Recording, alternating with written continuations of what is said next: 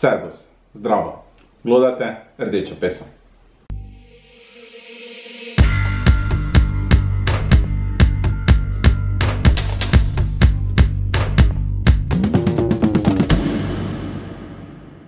Torej, večina mladih na trg delovne sile ne vstopi po zaključku izobraževanja, ampak že med njim.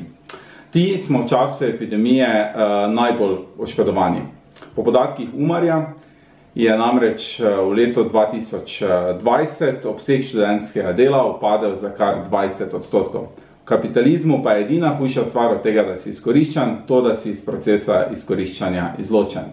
Študentski establishment pa ne deli usode teh študentskih delavk in delavcev. V današnji oddaji se bomo pogovarjali o položaju in vlogi študentskih delavk in delavcev, o študentskih organizacijah, ki so v veliki meri financirane prav iz naslova študentskega dela, ter o usodi Radia Študent. Z nami so danes, z nami so danes trije gostje in sicer Živa Šketa, novinarka univerzitetne redakcije Radia Študent, Mojca Žerak iz študentskega društva Iskra in Tim Krhlanko iz študent politologije iz liste demokratičnega študentstva. Zdravo vsem in hvala, da ste se odzvali na povabilo v našo oddajo. Zdravo. Um, ok, se lotimo kar osnovnega vprašanja na začetku. In sicer, mojca, uh, študentski, študentski delavci in delavke smo najbolj prekariziran, fleksibiliziran del uh, delovne sile. Kaj v praksi to sploh pomeni? Kaj bi ti na kratko opisala uh, položaj študentskih delavk in delavcev na trgu delovne sile? Ja, zdaj, tako kot si rekel, ne, študentsko delo, poleg prisilnih SP-jev, bi jih jaz še mogoče sem dodala, no, uh, so to neke najbolj fleksibilne oblike dela pri nas. Uh, v bistvu zaradi te fleksibilnosti, pa tudi zato, ker so najceneje, uh, so za kapitaliste oziroma delodajalce no, v vseh ozirih pač najbolj ugodne take oblike dela. Ne.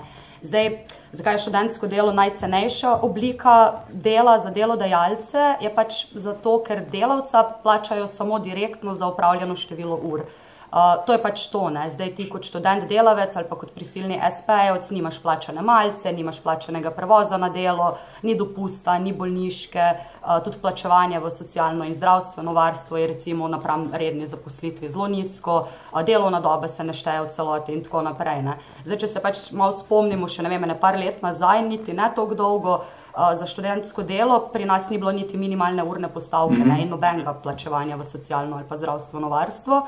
Um, zdaj, kar je pa pri takih fleksibilnih oblikah dela kapitalistom še posebej všečno, je pa v bistvu to, da se lahko delavca znebijo kadarkoli in brez kakršnega koli razloga. Uh, ker v zakonu o delovnih razmerjih, ne, ki sicer določa pravice in odgovornosti delodajalcev in redno zaposlenih, uh, je pač odpuščanje zelo jasno definirano. Um, in se pač ne more zgoditi kar tako, da bo delodajalec nekoga, ki mu ni všeč, pač kar odpustil. Mm -hmm. uh, pa tudi, če že pride do odpovedi delovnega razmerja, delavcu, ki je bil v redni zaposlitvi, pripadajo tudi neke pravice, ne, ne vem, odpravnina recimo ali pa uh, nadomestilo za brezposelnost. Zdaj pač pri študentskem delu ni takih pravil, ne, v bistvu ni skoraj nobenih pravil. Um, delodajalec nima do delavca čisto nobene odgovornosti. Mislim, je res, da tudi delavec nazaj nima neke odgovornosti do delodajalca, ampak pač tu moramo razumeti to, da je delavec itak že v štartu v slabši mm. izhodiščni poziciji, ne? Uh, ker pač brez da neko delo upravlja, s katerim se preživlja, pač ne more preživeti. Mm. Ne? Um, zdaj pač pri študentskem delu, tudi pri prisilnih SP-jih, gre pač ne vem za neko obliko dela, ki v bistvu zelo spominja no, na delo v kapitalizmu pred kakršnimi koli delovskimi boji, ne? pred sindikati, pred delovskimi pravicami. Uh, več to se meni zdi še posebej zaskrbljujoče, sploh zato, um, ker se povpraševanje po tako zelo fleksibilni delovni sili povečuje. Ne? Ja, večina pač teh rednih zaposlitev, oziroma zaposlitev za nedoločen čas, v pogojih vse bolj spominja na študentsko delo, ne obratno, da bi, da bi ljudje, ki delamo med študijem, tudi imeli neke privilegije, podobne kot nekdo, ki je redno zaposlen. Recimo. Uh, ravno ko si omenila pač to zgodno obdobje uh, kapitalizma, uh, Friedrich Engels je napisal, da je konkurenca najpopolnejši izraz boja vseh proti vsem uh, v družbi. Boj pa ne divja samo med različnimi razredi, ampak tudi med člani istih razredov. In zdaj mene tim zanima, kakšen torej boj poteka med študentskimi delavci in med redno zaposlenimi. Kak je ta konkurenčen odnos med njimi, pa kak vključenost nas, študentov na trg delovne sile vpliva tudi na njihov položaj ali pa na položaj celotnega delovstva, na plače, standarde, oblike zaposlitve, brezposelnost, pa to sploh recimo v tistih sektorjih, kjer je študentsko delo bolj pravilo kot izjema, pravilo kot izjema, recimo gostinstvo ali pa kaj takega. Ja, um, to si dobro povedal. Mislim, problem je zaradi tega, ker je to pač dvosmerni meč, ki reže obe smeri. Ne? Reže uh, oziroma prizadene delavce, uh, študente in reže in prizadene tudi delavce s polno zaposlitvijo. Uh, to je zelo dobro tudi razložila Damjana v eni izmed vaših prejšnjih oddaj, um, kjer pač prihaja na v, pač v sektorju tr trgovinstva uh, prihaja do tega, da um, se zaposluje cenejše študente, um, ki s tem uh, svojim prisostovanjem na trgu dela zbijajo neko um, kompetentnost, profesionalizacijo teh poklicev in en čist tak uh, en del gospodarstva, ki je zelo izrazit, je naprimer uh, gostinstvo, ne, kjer seveda uh, ti lastniki veliko raje zaposlijo enega poceni um, študenta vem, biologije, kot pa nekoga, ki se je za to delo izobraževal, ki mu pripadajo vse stvari, uh, ki jih je prej naštela uh, kolegica po pogodbi. In pač prihaja do nekih tenzij, ki so pač objektivne tenzije uh, med študentskimi delavci in, in delavci s polno zaposlitvijo. Zdaj, problem pa je, naprimer, tudi v času zdaj korona krize, ne, kjer se pač definira, kaj je zdaj kaj je to študent ali to delavec, ne? kjer se pa je. Um, ti, ti študenti, ki delajo 8 ur na dan, 5 dni na teden, um, se jim pa sedaj ne priznava teh pravic mm uh, in se jim pač ni, tako kot ostalim oblikam zaposlitve, izplačalo nekih um, zmernih nadomestil, glede na to, pač, koliko delajo, ampak se jim je dal zdaj dvakrat po 150 evrov. Sedaj pa to, ker naenkrat so študenti, ki študirajo in ne delajo. Ja, super, da si zdaj izpostavil recimo, tudi to odnos recimo, politike oziroma države uh, do študentov v tej krizi. Uh, mislim, da je tudi uh, zelo povedno, kako se je na to odzvala študentska organizacija Slovenije na teh 150 evrov, kot na uh, neko zelo pozitivno akcijo uh, vlade. Uh, oziroma države kot take. In isto to, kar si izpostavil, pač država v časih, ko niso zaprte te dejavnosti, študente gleda kot nekoga, ki je del redne delovne sile, ki zapolnjuje luknje, ki, uh, ki recimo v sektorju gostinstva sploh sam dejansko dela v nekih uh, uh, obratih. Uh, na drugi strani pa, ko pa pride do izpada tega, pa se potem rečemo, uh, ne, študenti naj študirajo, itak so zato tam, uh, itak niso delali. Um, Dobro, uh, Če bi, živa... kaj, jaz bi sam, Maja, mogoče, jaz bi sam še tle mogoče nekaj dodala, da se mi zdi tle tudi pač pomemben ta aspekt, koliko te neke prekarne oblike dela, koliko tudi vplivajo na to, da imamo zelo lažne predstave no, o socialni sliki pri nas, zato ker kot nekako primarno socialno ogrožene smatramo predvsem brezposelne, ne, medtem ko pa pač študenti SP-ovci večkrat ne zaslužijo, ne za minimalca, še za socialno, ne, ne ampak pač kar nekako izpadejo iz uh, teh statistik, ker se samo z procentom brezposelnosti ukvarjamo, ne vedno. Um, dobro, uh, živa, zanima me, uh, dobršen del uh, denarja za delovanje te študentske organizacije, ki smo jih malo prej omenili, uh, prispevamo prav študentski delavci ter delavke. Uh, kolikšen delež našega zaslužka recimo gre za to, uh, pa še iz česa se recimo financirajo te organizacije, predvsem pa zakaj ta, ta denar porabljajo.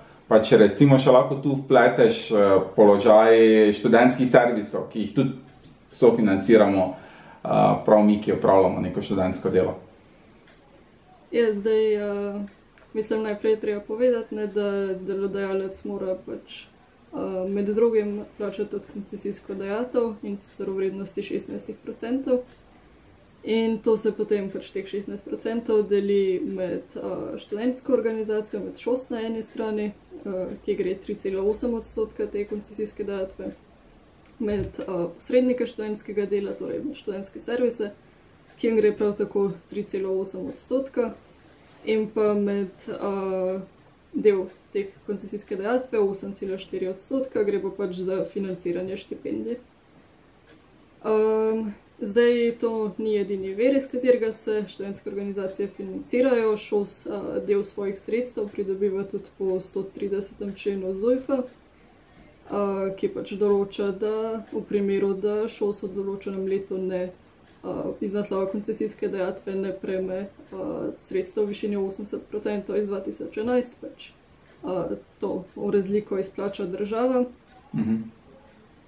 Um, in ta sredstva, ki jih dobi šol, se potem delijo naprej, med drugim tudi med študentske univerzitetne organizacije. Zdaj, to, je, to sta glavna vira uh, Mhm. financiranja študentskih organizacij, potem pa pač so še druge vire.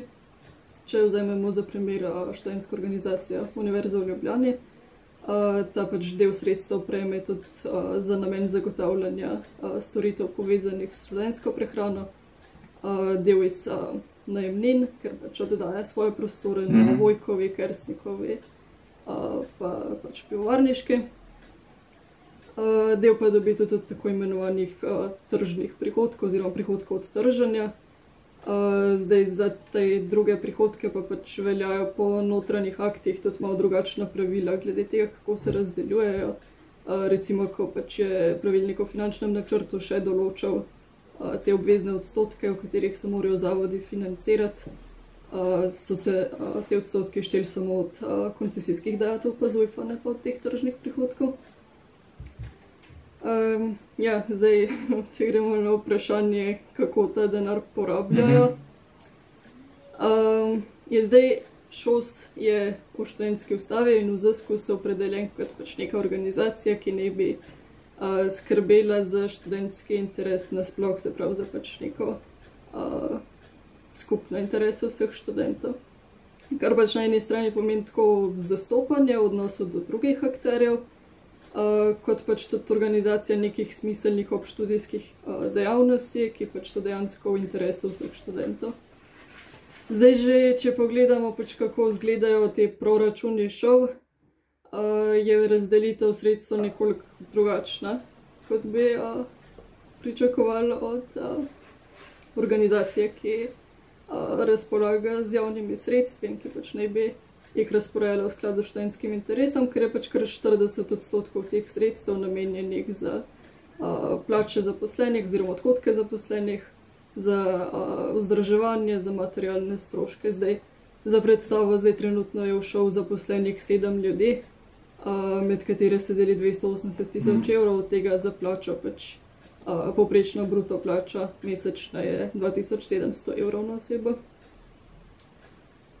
Um, no, ja, pač to zdaj pomeni, da 60 odstotkov ostale vrednosti proračuna uh, je pač to, kar ostane za organizacijo obštudijskih dejavnosti, pa za delovanje uh, študentskih organov tudi.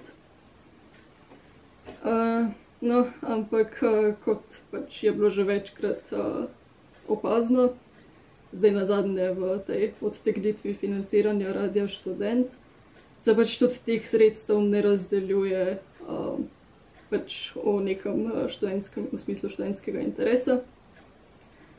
Um, in pač jih študentska organizacija, predvsem pa uh, njen direktor Andrej Klasinski od 2013 na tej funkciji, jih pač ne razumejo kot uh, javnih sredstev iz študentskega dela, ki jih morajo pač oni razdeliti med študente in med uh, študentske uh, tele obštudijske dejavnosti v študentskem interesu, ampak jih oni pač razumejo kot neka sredstva, ki jih lahko investirajo v razno razne projekte, pač ne, od katerih neposredno študenti nimajo ničesar. Mhm. Um, in zdaj v tem kontekstu je pač nastala tudi ta ideja o tem, da bi se prenesel ustanovi, preneslo ustanoviteljstvo radia študent oziroma da bi se ga privatiziralo. Ker um, pač za radio študent v resnici za šov predstavlja samo odhodek. Zdaj na prvi sej, na sej, kjer se je uh, bral prvi ta predlog proračuna, recimo iz izjav direktorja Klesenca, bilo pač zelo lepo razvidno, kako on razume, kaj je to uspešen zavod, kaj je pač uspešno delovanje.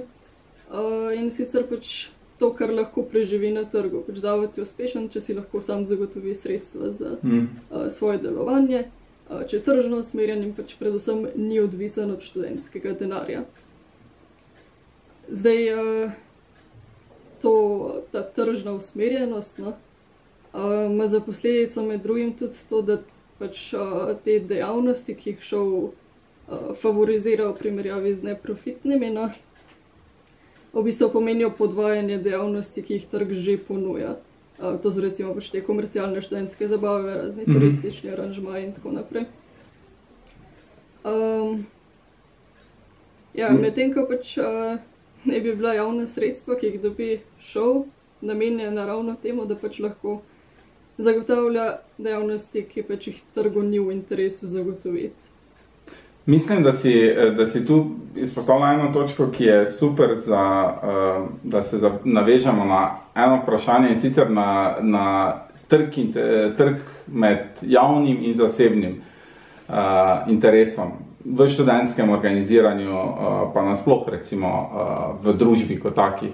In me zanima, recimo, tim uh, pred dnevi je odjeknila neka novica, da, vlada, ni, da je vlada ustavila objavo teh razpisov za upis na fakultete. Um, kako je recimo tvoje mnenje o tem? Uh, se strinjaš s temi komentatorji, da je to še en korak v diktaturo?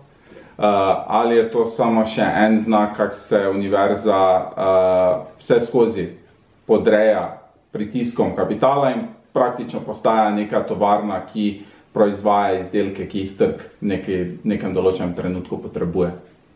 Uh, zdaj, kar se tiče pa univerze, pa ja, um, bi pritrdil tisti drugi tezi in sicer to, da gre za nek dolgotrajen proces, ki ni nov in niti ni nepričakovan. Uh, mislim, da je bilo samo pač vprašanje časa, kdaj bo tudi um, trenutno vladajoča garnitura poskušala posegati v javno šolstvo, uh, visoko šolstvo in izobraževanje.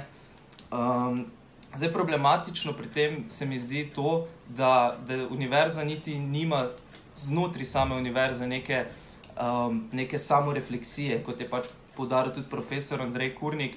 Um, tudi sama je pač v nekem perifernem položaju do nekih centrov vedenja, ki se pač znotraj izobraževanja, nekih monopolov, ki se dogajajo, in se pač niti samo ne reflektira, da bi lahko zdaj podala nek pač, um, celovit odgovor na to neoliberalizacijo in to neko, ne vem kako bi rekel, projektizacijo univerze, kjer je pač danes nek um, uspešen profesor, uspešen asistent ali kakorkoli uspešen, če privabi projekte, mm -hmm. sredstva um, in denar. Ne. To pomeni pač, da je ustvarja presežek, ne, spominja na neko drugo uh, obliko ekonomsko. Mm -hmm.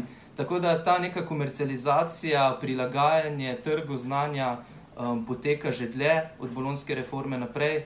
In mislim, da je zato potreben nek um, celovitejši odgovor no, od zgolj tega, da pač zdaj Janša poskuša naprej uh, forsirati te svoje zasebne fakultete, ampak bi mogel biti odgovor um, pač bolj adekvaten no, in pač nasloviti tudi probleme, ki so se dogajali predtem in ki pelejo univerzo in znanje v neko zgolj reprodukcijo delovne sile in iskanje kompetenc.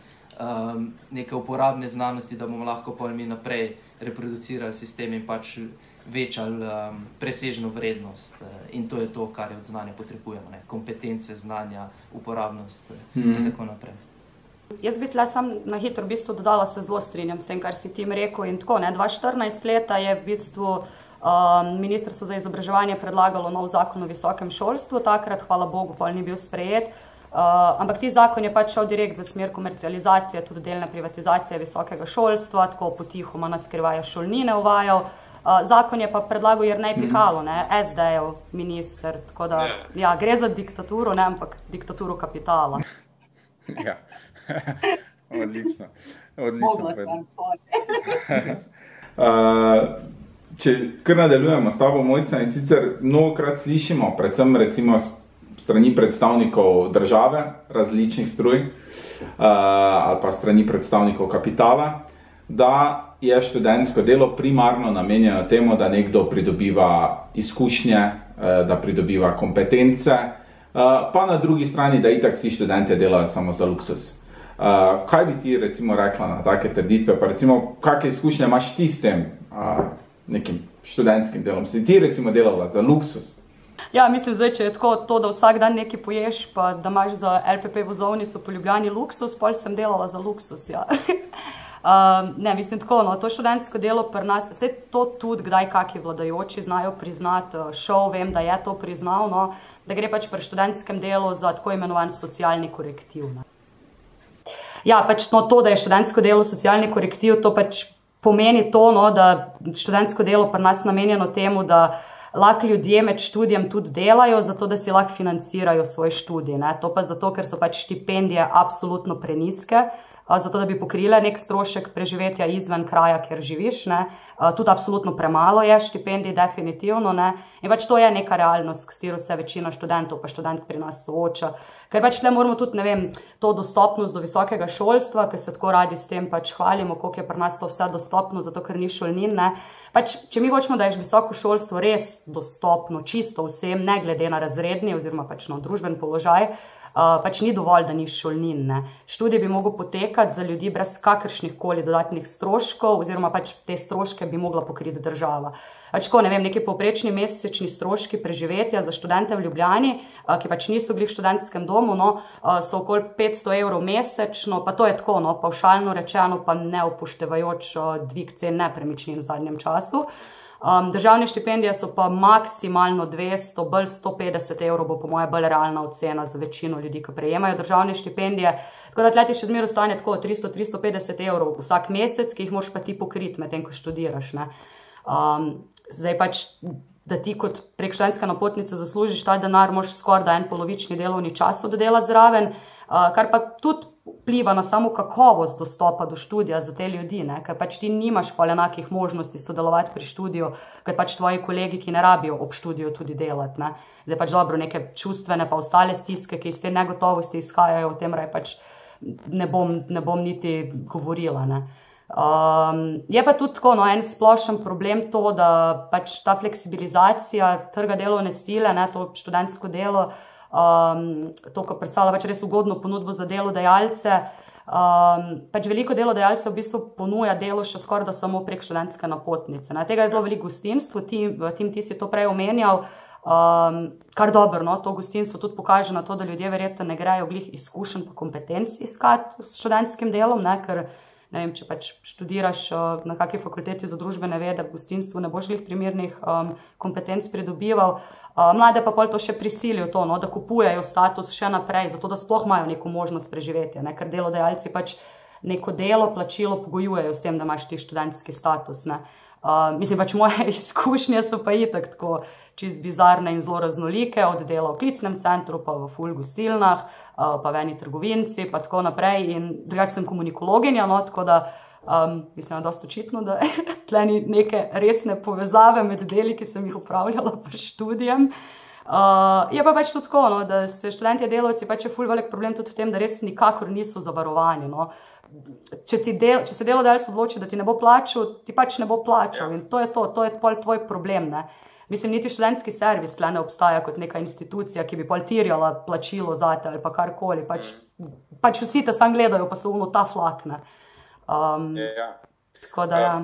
Jaz bi sam glede teh kompetenc, če še lahko sam, če bomo priložili blagovno, mislim, slikovno gradivo, bi bilo zelo dobro eno reklamo iz študentskega servisa v delu, kjer oglašuje um, pač delovno mesto v gostinstvu uh, z argumentom, da um, potrebuješ iste ročne spretnosti za gostinstvo, kot tudi v, uh, kot kirurg ali nekaj podobnega. No, zelo, bizarne, zelo bizarna predstava je, no, kaj, kaj so kompetence in kaj mi dobimo z delom preko študentskega servisa in pač v teh sektorjih. No, ravno ko si govoril o tej primerjavi, sem se spomnil še ene in sicer mojca je govorila tudi o, tudi o teh kompetencah in o tem, um, kak je sama svojo izobrazbo uh, delala recimo v nekih teh študentskih delih. Eh, s tem je povezan tudi en drug problem in sicer deregulacija nasploh na trgu delovne sile. Uh, recimo klasičen primer je uh, trgovina, uh, kjer ni potrebno več dobene izobrazbe uh, in se pač fila z, uh, s folkom z različnih izobrazb izobrazbeno strukturo z manjšimi spretnostmi, zato hkrati pa z mlajšimi, ki lahko izpolnjujejo te norme. In sem se spomnil pač uh, izjave, ki je ob tem dal en poslanec uh, državnega zbora, uh, Franci Breznik, ki je rekel, da trgovec uh, se rodiš, trgovec se ne izobraziš. Ne.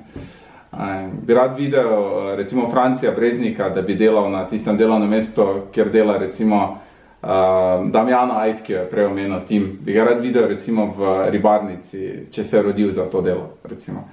Ali pa v Lidlu, zelo ja, ja. ja, ja. Recimo, ja. Uh, dobro, uh, gremo zdaj naprej in sicer uh, živa, ti si recimo od vseh nas daleč najbolj pletena v to akcijo okolo hranitve RŠ-a in sicer se ti zdi ta akcija, se ti zdi, da ta akcija kaže na nek primer oziroma možnost neke širše aktivacije uh, politizacije uh, študentov ali gre samo za nek osamljen primer?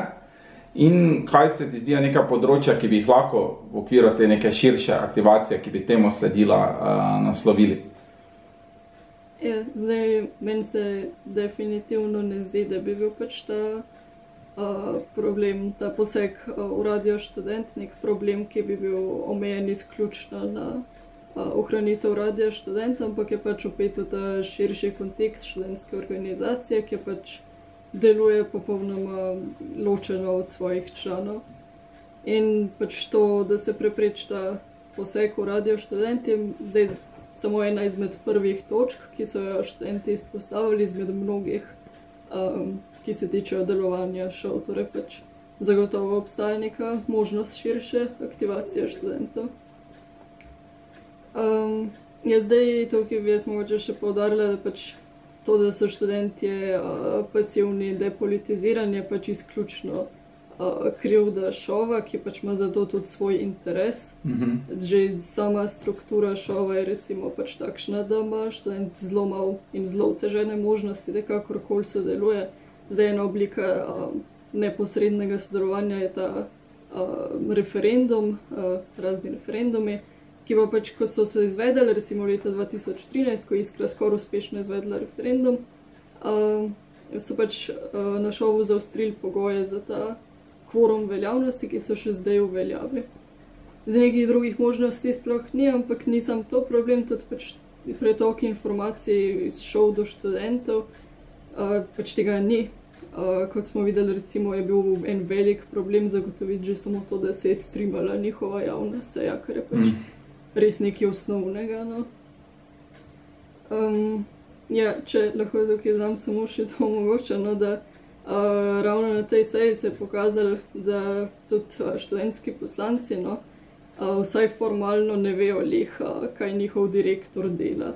Uh, ko je pač ta poslanka zagona, recimo, opozorila, da uh, ko so obravnavali finančne načrte, neobvezne sestavine sploh ni bilo, uh, to je realizacija poslovanja za prejšnje leto se pač noben uh, ta koalicijski poslanec ni na to na noben način odzval. No. Mm. Uh, Klesinc je pa potem pač malo narobe razumel.